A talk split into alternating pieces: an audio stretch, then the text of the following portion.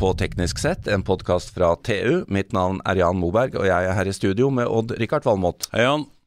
Odd-Rikard, dette er en uh, spesiell dag. Det er det. det er det. Nå har vi endelig fått inn en gjest som vi egentlig skulle snakke med i to-tre år. Ja, vi har snakka oss litt rundt grøten, uh, føler jeg, men nå er vi uh, i smørøyet. Ja, og vi er på et av dine 687 favorittområder, er vel sånn innimellom på topp én sammen med den, de sju andre på topp én. Ja, ja, men det ligger og vaker opp i topp én hele tida, Ja. vil jeg si. Kjernekraft. Kjernekraft. Og jeg tror det er det eneste som kan redde oss, dessverre. Skulle gjerne sett at sol og vind var, øh, var nok, altså, men jeg tror ikke Det varierer for mye, vi må ha en stabil last, må vi Vi er nødt til å ha en baselast, Ja. og, og så må vi uh, få opp farten. Og vi har jo snakket med flere rundt kjernekraft, men denne gangen skal vi ha en ekte kjerne- og energifysiker med doktorgrad innenfor området. Doktorgrad på thorium. Velkommen, Sunniva Rose. Tusen, tusen takk. Jeg må bare si at jeg er fascinert at dere på en måte, lot den muligheten til å bruke å komme til kjernen gå bort fra dere. Nå ventet jeg på at det er midt i smørøya, til kjernen. Ja. Mm. Ja, vi har eh, sånne kjernepersoner og ja da. Det er helt Strålende klart. dag. Ja. Ja, Mm. Veldig, veldig hyggelig å være her. Du, um, som du hører, dette er vi egentlig veldig opptatt av, og, og vi syns jo egentlig at eh, det er synd at det finnes så mange i vår verden, får jeg legge til, um, misforståelser rundt mm. kjernekraft. Mm. Um, hva er det egentlig vi trenger å rydde opp i? Eh, ja, eh, det, det, det er et begrep som er har sett på engelsk som kalles for myth conceptions, som jeg liker som en blanding av liksom, av myte og misconceptions, og ja, det er en del av, av disse. Ja.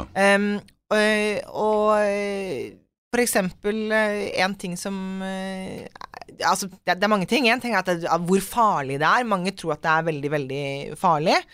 Um, det er det jo ikke, hvis man ser på tallene. Og som realist så er jeg jo, og som sikkert også lytterne til Mm. denne podkasten, er jeg jo glad i, glad i tall. Det er jo ingenting som er så trygt som kjernekraft. Du ser på f.eks. dødsfall per terawatt-time. Eh, eh, den er veldig sånn på en måte, på en måte rett frem. Men en ting som vi snakket litt innledningsvis om før vi kom her på lufta, var jo dette med avfall. Det er et Eh, kjempetema. det er et kjempetema, ja. Ja. Og fa farlig eh, radioaktivt avfall. Og jeg opplever jo at når man snakker om de, alle de forskjellige måtene å produsere energi på, om det er sol eller vind eller vann eller olje, gass og kjernekraft, så er det på en måte Men det er bare kjernekraft som, hvor folk sier ja, men hva med avfallet? Ja, men hva med avfallet? Ja, hva med avfallet? Hva med Men det er et avfall med CO2 òg. CO2 er definitivt Det er farlig, det. Det er veldig farlig. Jeg, og det, og det, dette sto jeg på et foredrag en gang og sa at CO2 er jo en livsfarlig gass. Ja. Eh, Ja. Eh, og så kom den opp og sa ja, det er ikke så farlig som radioaktivt avfall. Eh, jo, hvis, hvis dette rommet her nå blir fylt opp med CO2, Da så faller vi døde Ja, om relativt fort. ja. Men det er livsfarlig. du, du trenger ikke å fylle opp rommet engang, du kan bare øke konsentrasjonen ja, ikke sant? noe. Vi trenger ikke fylle det opp engang, vi trenger bare øke den, og så faller vi døde om. Så ja, så CO2 er en, eh, er en form for farlig avfall. Det er svovel, det er aske. Så er det jo masse av disse sjeldne Altså masse av disse metallene som man bruker i solceller, som man bruker når man produserer vindmøller, osv., osv. Men, eh, men da, ja, det radioaktive avfallet, da. Vi skal ikke snakke nå bare om de andre. For det produseres definitivt radioaktivt avfall når man har kjernekraft. Ja, men du har gjort et ganske kult regnestykke Ja. om, om eh, hvor mye per person det ville vært Ja, om du det som levde livet ditt i Norge. når man da skal, når man skal sammenligne forskjellige energiformer, så er jo som, altså, Hvis vi først bare vet det at alle energiformer produserer farlig avfall. Ja. Ordentlig farlig avfall, som er farlig for oss. Eh, og da er det interessant å se på ok, eh, men hvor mye avfall er det vi produserer fra de forskjellige energiformene? Og da, er det da har jeg gjort en beregning på, på kjernekraft, og hvis jeg lever i 80 år i Norge med det strømforbruket en gjennomsnittsnordmann har, og får all den strømmen produsert med kjernekraft, og da snakker jeg om kjernekraft sånn som man gjør i Jeg har brukt amerikanske tall, Ja, så sånn som mm. de gjør det i USA. Den, tradisjonelle, gammeldagse. Tradisjonell, Ja. jeg kaller det gammeldags kjernekraft. Så vil jeg på et helt liv Og nå skal jeg først ikke snakke om avfallet, men bare fortelle Mengde. hvor, mengden Ja. av altså, Eller mengden brukt brensel. Hvor mye brensel er det som blir brukt opp Ja. på meg på et liv? Og det er et lite melkeglass. Det er sånn som jeg har foran Ja. meg her. Du står her med et eh, melkeglass av den størrelsen, eller du kan si da eller, en klump som du holder i hånden din. Ja. Den det- veier eh, noen kilo, eh, men så sier jeg det, og det er brukt brensel, og så er det bare en liten andel eh, av det, en bitte liten andel av det, som er det som vi kaller for såkalt høyaktivt avfall, som er liksom the nasty stuff, som vi definitivt må håndtere. Men vi er vant til å håndtere farlig industriavfall, det gjør vi Det gjør vi i Norge også. Ja. hele tida. Jeg, eh, jeg mener å ha lest uh, dine utregninger at det er, det er snakk om i dette regnestykket ca. 19 gram per år. Ja, det, det kan være nå, Ja, altså, Jeg må er innrømme, jeg husker ikke nøyaktig Nei. tallene, så jeg husker men den der, jeg liker det bildet at eh, Livet alt ditt, ja. i livet Ja. ditt, så er det dette melkeglasset med brukt brensel. Jeg syns jo det er interessant også, i andre enden av skalaen så har du kullkraft. Ja. Og da snakker vi virkelig om avfallsmengder. Da, da er det ikke et melkeglass, da er det mange truckloads gjennom et liv. Ja, ja. Og så slipper de ut mer radioaktiv, radioaktivitet enn et kjernekraftverk gjør. Det Ja. tenker ikke folk på. Nei, Og tar mange liv.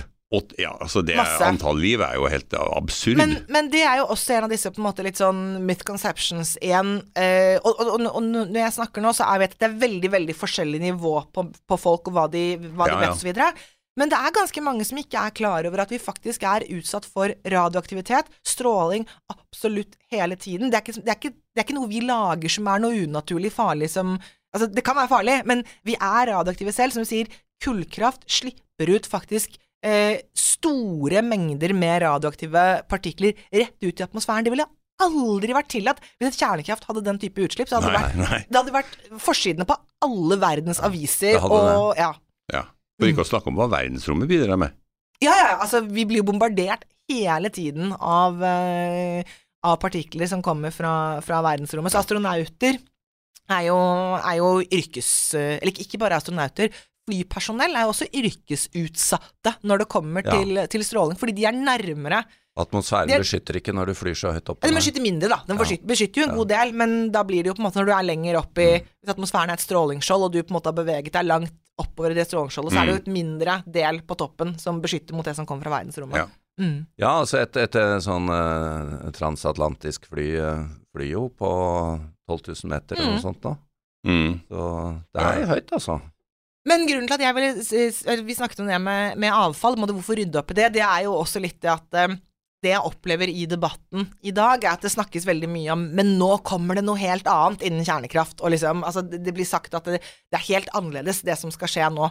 Og så er jeg litt sånn konservativ og sier ja, det er ikke, det er ikke helt annerledes. Og la oss heller La oss snakke om det vi har i dag. for jeg tror det er viktig å forstå hva er, hva er det vi har i dag, før vi eventuelt kan se og hva er det som kommer?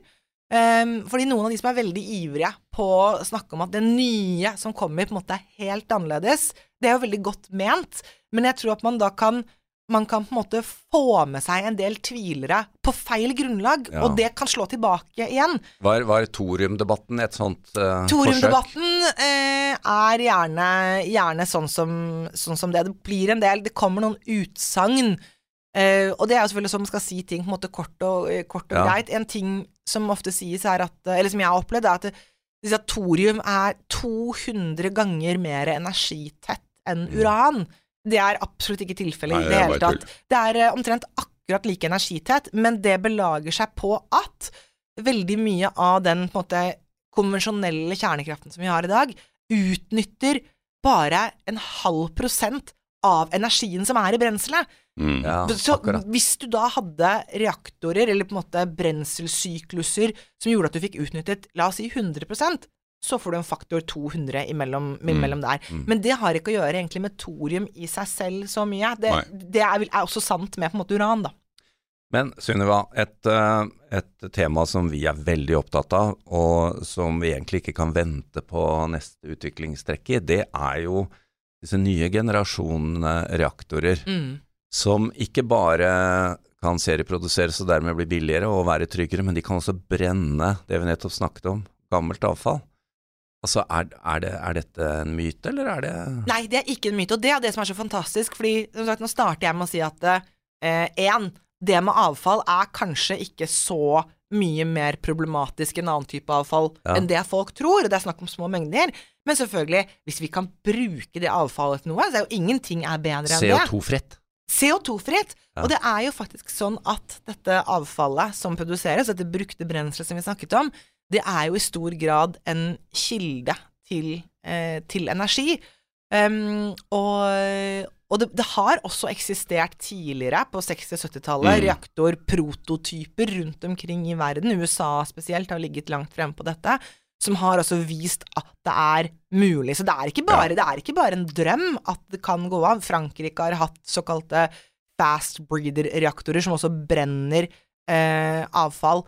Em, og, og selvfølgelig, hvis man gjør det, så blir jo det avfallsproblemet Det vil aldri bli helt borte, men da blir det jo enda mye, mye mindre enn det det er i dag. Ja, jeg vet at eh, russerne bygger nå et sånt mindre anlegg Mm. som, er, eh, som utnytter avfallet mye bedre. Og det er kjempe, Og de kjempe ligger langt framme, altså. Og da må jeg på en måte slenge ut en sånn liten sånn eh, Hva skal jeg si En, en tanke. Ehm, fordi dette, igjen, dette med avfall, det er liksom Det er den store Det er et stort aber eh, som folk liksom trekker fram som negativt med kjernekraft.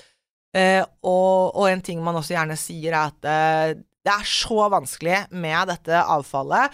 Så er det ingen land i verden i dag som har tatt en endelig avgjørelse på hva de skal gjøre med kjernekraftavfallet sitt, kanskje bortsett fra Finland, da. De er de som har kommet lengst.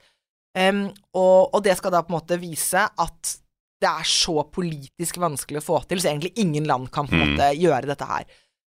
Og da skal jeg ikke si at det er helt feil, for jeg tror nok at det er som du sier, not in my backyard. Folk vil liksom ikke Folk er negative Ja. til kjernekraftavfall, den er grei nok, så det er nok vanskelig politisk. Men jeg tror nok at det er en annen ting som er like viktig. At på en måte alle som driver med kjernekraft i verden, vet at det som i dag er avfall, er i morgen en ressurs. Nettopp. Og da ville det jo egentlig vært rett ut idiotisk å grave dette hundrevis av meter ned i bakken og forsegle det helt, og så går det si, 10, 20, 30, Mm. 50 år, og så trenger du det, skal du grave det opp igjen, og på en måte Ja. Så det er iallfall Jeg vet ikke om noen land på en måte har dette som sin strategi, men jeg vil tro at dette er definitivt noe Mm. man, eh, man tenker på. Du, du har jo også, vi har jo snakka så vidt også om, om de her ulykkene som har vært, og det er jo faktisk ikke mange, da. Av de, av de på en måte store ulykkene, Tsjernobyl og Fukushima og kanskje Island. Mm. Det har jo ikke gått mange menneskelivet. Nei, det har ikke det. Og, øhm, selv, altså, og Tsjernobyl står helt i en særstilling, Ja. særstilling der. Fordi det var jo virkelig Altså Altså, Tsjernobyl, det burde vi lage en egen episode om. Eh, Jeg vil anbefale alle å se den serien. HBO-serien. Ja, det er kjempe fantastisk. Ja. Og, så, og så er det ikke alt som er helt, uh, helt korrekt i den serien. Men husk at det er ikke en dokumentar. Det er bare Nei, viktig at man, Nei. Ja, at man Men allikevel, den er en fantastisk serie. Det syns jeg. Ja. Men så der er det veldig mye. Det var en eh, Tsjernobyl-reaktoren var en spesiell type reaktor som ble utviklet og kun bygget i gamle Sovjet. Eh, det var en reaktor som var veldig Den hadde noen positive ting ved seg. Den var veldig økonomisk. Og så, i en kald krigssituasjon, så var det nok ganske positivt at den også kunne bli brukt, og ble brukt til å produsere våpenplutonium. Ja. Um, og for at den skulle kunne gjøre det, så manglet den en av de viktige måte, sikkerhetsbarrierene i et kjernekraftverk i dag, som er liksom det som kalles for reaktorinneslutningen, som er veldig, veldig mye heftig betong. Bunkeren, ja. Ja. Så den Tsjernobyl-reaktoren lå jo på en måte på åpen på flatmark, og når de da hadde den eksplosjonen som du hadde, som ikke var en kjernefysisk eksplosjon, ikke en atombombeeksplosjon, ja. Eh, fordi det kan ikke et kjernekraftverk, det kan ikke eksplodere som atombombe, det er en annen sånn myte. myte, ja. Ja. Eh, men allikevel, du hadde en eksplosjon, en dampeksplosjon, eh, og da var det jo ingen barrierer ut mot naturen, så da ble jo innholdet i reaktoren kastet ut på bakken. Så det var en ekstremt alvorlig ulykke, men selv der så var det under 100 mennesker som døde direkte av, da, av stråling fra Mm. denne ulykken. Men så skal ikke jeg da undergrave at det er selvfølgelig veldig mye mer enn bare dødsfall per terawattime som betyr noe, for Mm. selvfølgelig har Tsjernobyl-ulykken hatt helt enorme konsekvenser videre. Og det er også viktig at man ikke sier sånn Nei, men det var bare noen hundre som Eller var liksom det var veldig få. Ja. Så, så, fordi det er jo kjempeproblemer som har gått videre, og, og noe som faktisk har ført til mye lidelse for de menneskene i nærheten der, Vet veldig mange av de som ble, som ble evakuert derfra, når myndighetene først gjorde det, da, etter noen dager, at de, da de kom til nye steder, så ble folk behandlet dem som om de hadde Pedalsk omtrent, spedalske, ville ikke Ja. snakke, ville ikke ha noe med dem å gjøre, fordi de trodde at de på en måte var smittsomme. Det er en annen myte, at stråling på en måte smitter Det, det gjør det ikke. Det er Hvis- ikke covid. det er ikke covid, det er ikke en bakterie eller et virus. Det er mer som at altså, Hvis du har blitt utsatt for en kraftig stråledose, så kan det heller mer sammenlignes som at du har brukket benet. Jeg Ja. smitter ikke deg med brukket ben hvis jeg har Nei. brukket benet mitt, ikke sant? Det, det er kjempeviktig, det er Ja. veldig vanlig. Eh, og det er en av den grunnene det er spesifikt, det er, eller det er blant annet fordi det har ført til veldig mye lidelse blant de menneskene som Mm. da overlevde, men som da har et dårlig, altså har dårlig livskvalitet etterpå. Eh, men også fordi altså, denne HBO-serien den viser fram nettopp det motsatte. Den behandler disse menneskene som har blitt utsatt for stråling, som om de kan smitte. Eh, men det var nok også noe veldig mange trodde, så jeg lurer på om det er det de på en måte viser fram, at folk tror at Det det er er jo sånn det er. Ja. det er jo mange myter, men en Ja. av de tingene som eh, Tsjernobyl har bidratt til, er jo enda flere dødsfall i kullgruver og, og rundt om. Altså, vi må ikke glemme det heller. Ja, og det er veldig interessant, Ja. egentlig, hvis man skal se på sånn at, at man stenger ned Altså hvis man skal begynne å gjøre en skikkelig beregning på det, og på en måte hva hva vil det at Tyskland nå stenger ned alt av kjernekraft til, ja. Hva fører det egentlig til? Eh, sånn på kort Altså, og på ja, på kort sikt så må de rett og slett uh, bruke mer kullkraft og, og Ja, gasskraft. Og Så- da kan man si så da vil du jo det, Og det vil rent statistisk føre til flere dødsfall, mer eh, Det regnestykket skulle vært interessant å, å gjort. Rikard. Det er vanskelig, men Vi har gjort eh, et regnestykke for mange år siden i, i TU om hvilke energiformer som dreper flest, og kull kom på topp. Ja, uten tvil. Kjernekraft kom på bunn. Ja. Men Sunniva, vi, eh, vi har så mye å snakke om Ja. at uh, vi må avslutte for denne gang. Men avslutningsvis, vi snakket litt om Tyskland. Og Europa er splittet i bruk av kjernekraft med sin taksonomi. Franskmenn er full gass, Mm. Ja. og, og i, i Østerrike så vil de ikke ha det. Mm. Men det må jo varme et kjernekrafthjerte her hjemme i Norge at sånn som MDG da, nå, De Ja. Grønne her hjemme har begynt å se at vet du hva, dette må være løsning. Ja, det, og det syns jeg det står veldig stor respekt av, fordi MDG, måte, eller altså Miljøpartiet, har på en måte gått fra å være i hvert fall ut tilsynelatende ganske negative, til at det på en måte, du ser at det skjer en endring, og at de går og sier at vet du hva, dette her, det trenger vi faktisk. Og de har sikkert sittet ganske langt inne for en del, vil jeg tro. Mm. Eh, og, Det det å, måte, og det å endre, skal si, endre oppfattelse, eller endre liksom Det står det kjempestor respekt av, og det, det liker jeg veldig godt. Jeg er jo litt Jeg sier jo litt sånn litt flåsete, men egentlig også med mye Jeg mener jo at jeg kan ikke ta på en måte en eh, miljøorganisasjon eller et miljøparti på alvor hvis de er kategorisk negative til kjernekraft. Nei. Det, det kan jeg faktisk ikke. Så jeg er veldig glad for at uh, MDG har beveget seg i den retningen de Veldig bra. Så må vi var- si velkommen etter til Ja. de andre partiene, Ja, ja. syns du ikke? Da, da er vi, det var litt tekstreklame for, uh, for MDG, og vi må også nevne, Synnøve, at du til daglig har din jobb i Civid. Ja. Startup-selskapet som Odd Rikard vi har eh, både skrevet om og vunnet Norwegian Tech Award. Ja. Yes. Veldig, Veldig spennende, spennende selskap. selskap Mm. Og eh, vi må bare eh, ønske deg velkommen tilbake. Vi må snakke mer om dette, Sunniva. Så nå må du tenke på hvilke temaer Jeg gleder meg til å komme tilbake, og jeg Ja. tenker at da skal vi snakke mer om liksom disse Ja, hva er disse nye tingene som skjer, da, Nettopp, eh, ja. i verden? Fordi det er det jo veldig mange som Ja, men hva med, hva med saltsmelte? Hva med disse modulære reaktorene, osv.? Ja. Da sier vi at det lager vi en episode om om ikke så lenge. Uh, takk til deg, Sunniva Rose, uh, rett og slett kjerne- og energifysiker. Uh, takk til Odd Rikard, takk til vår produsent Sebastian Hagemo, og mitt navn er Jan Moberg.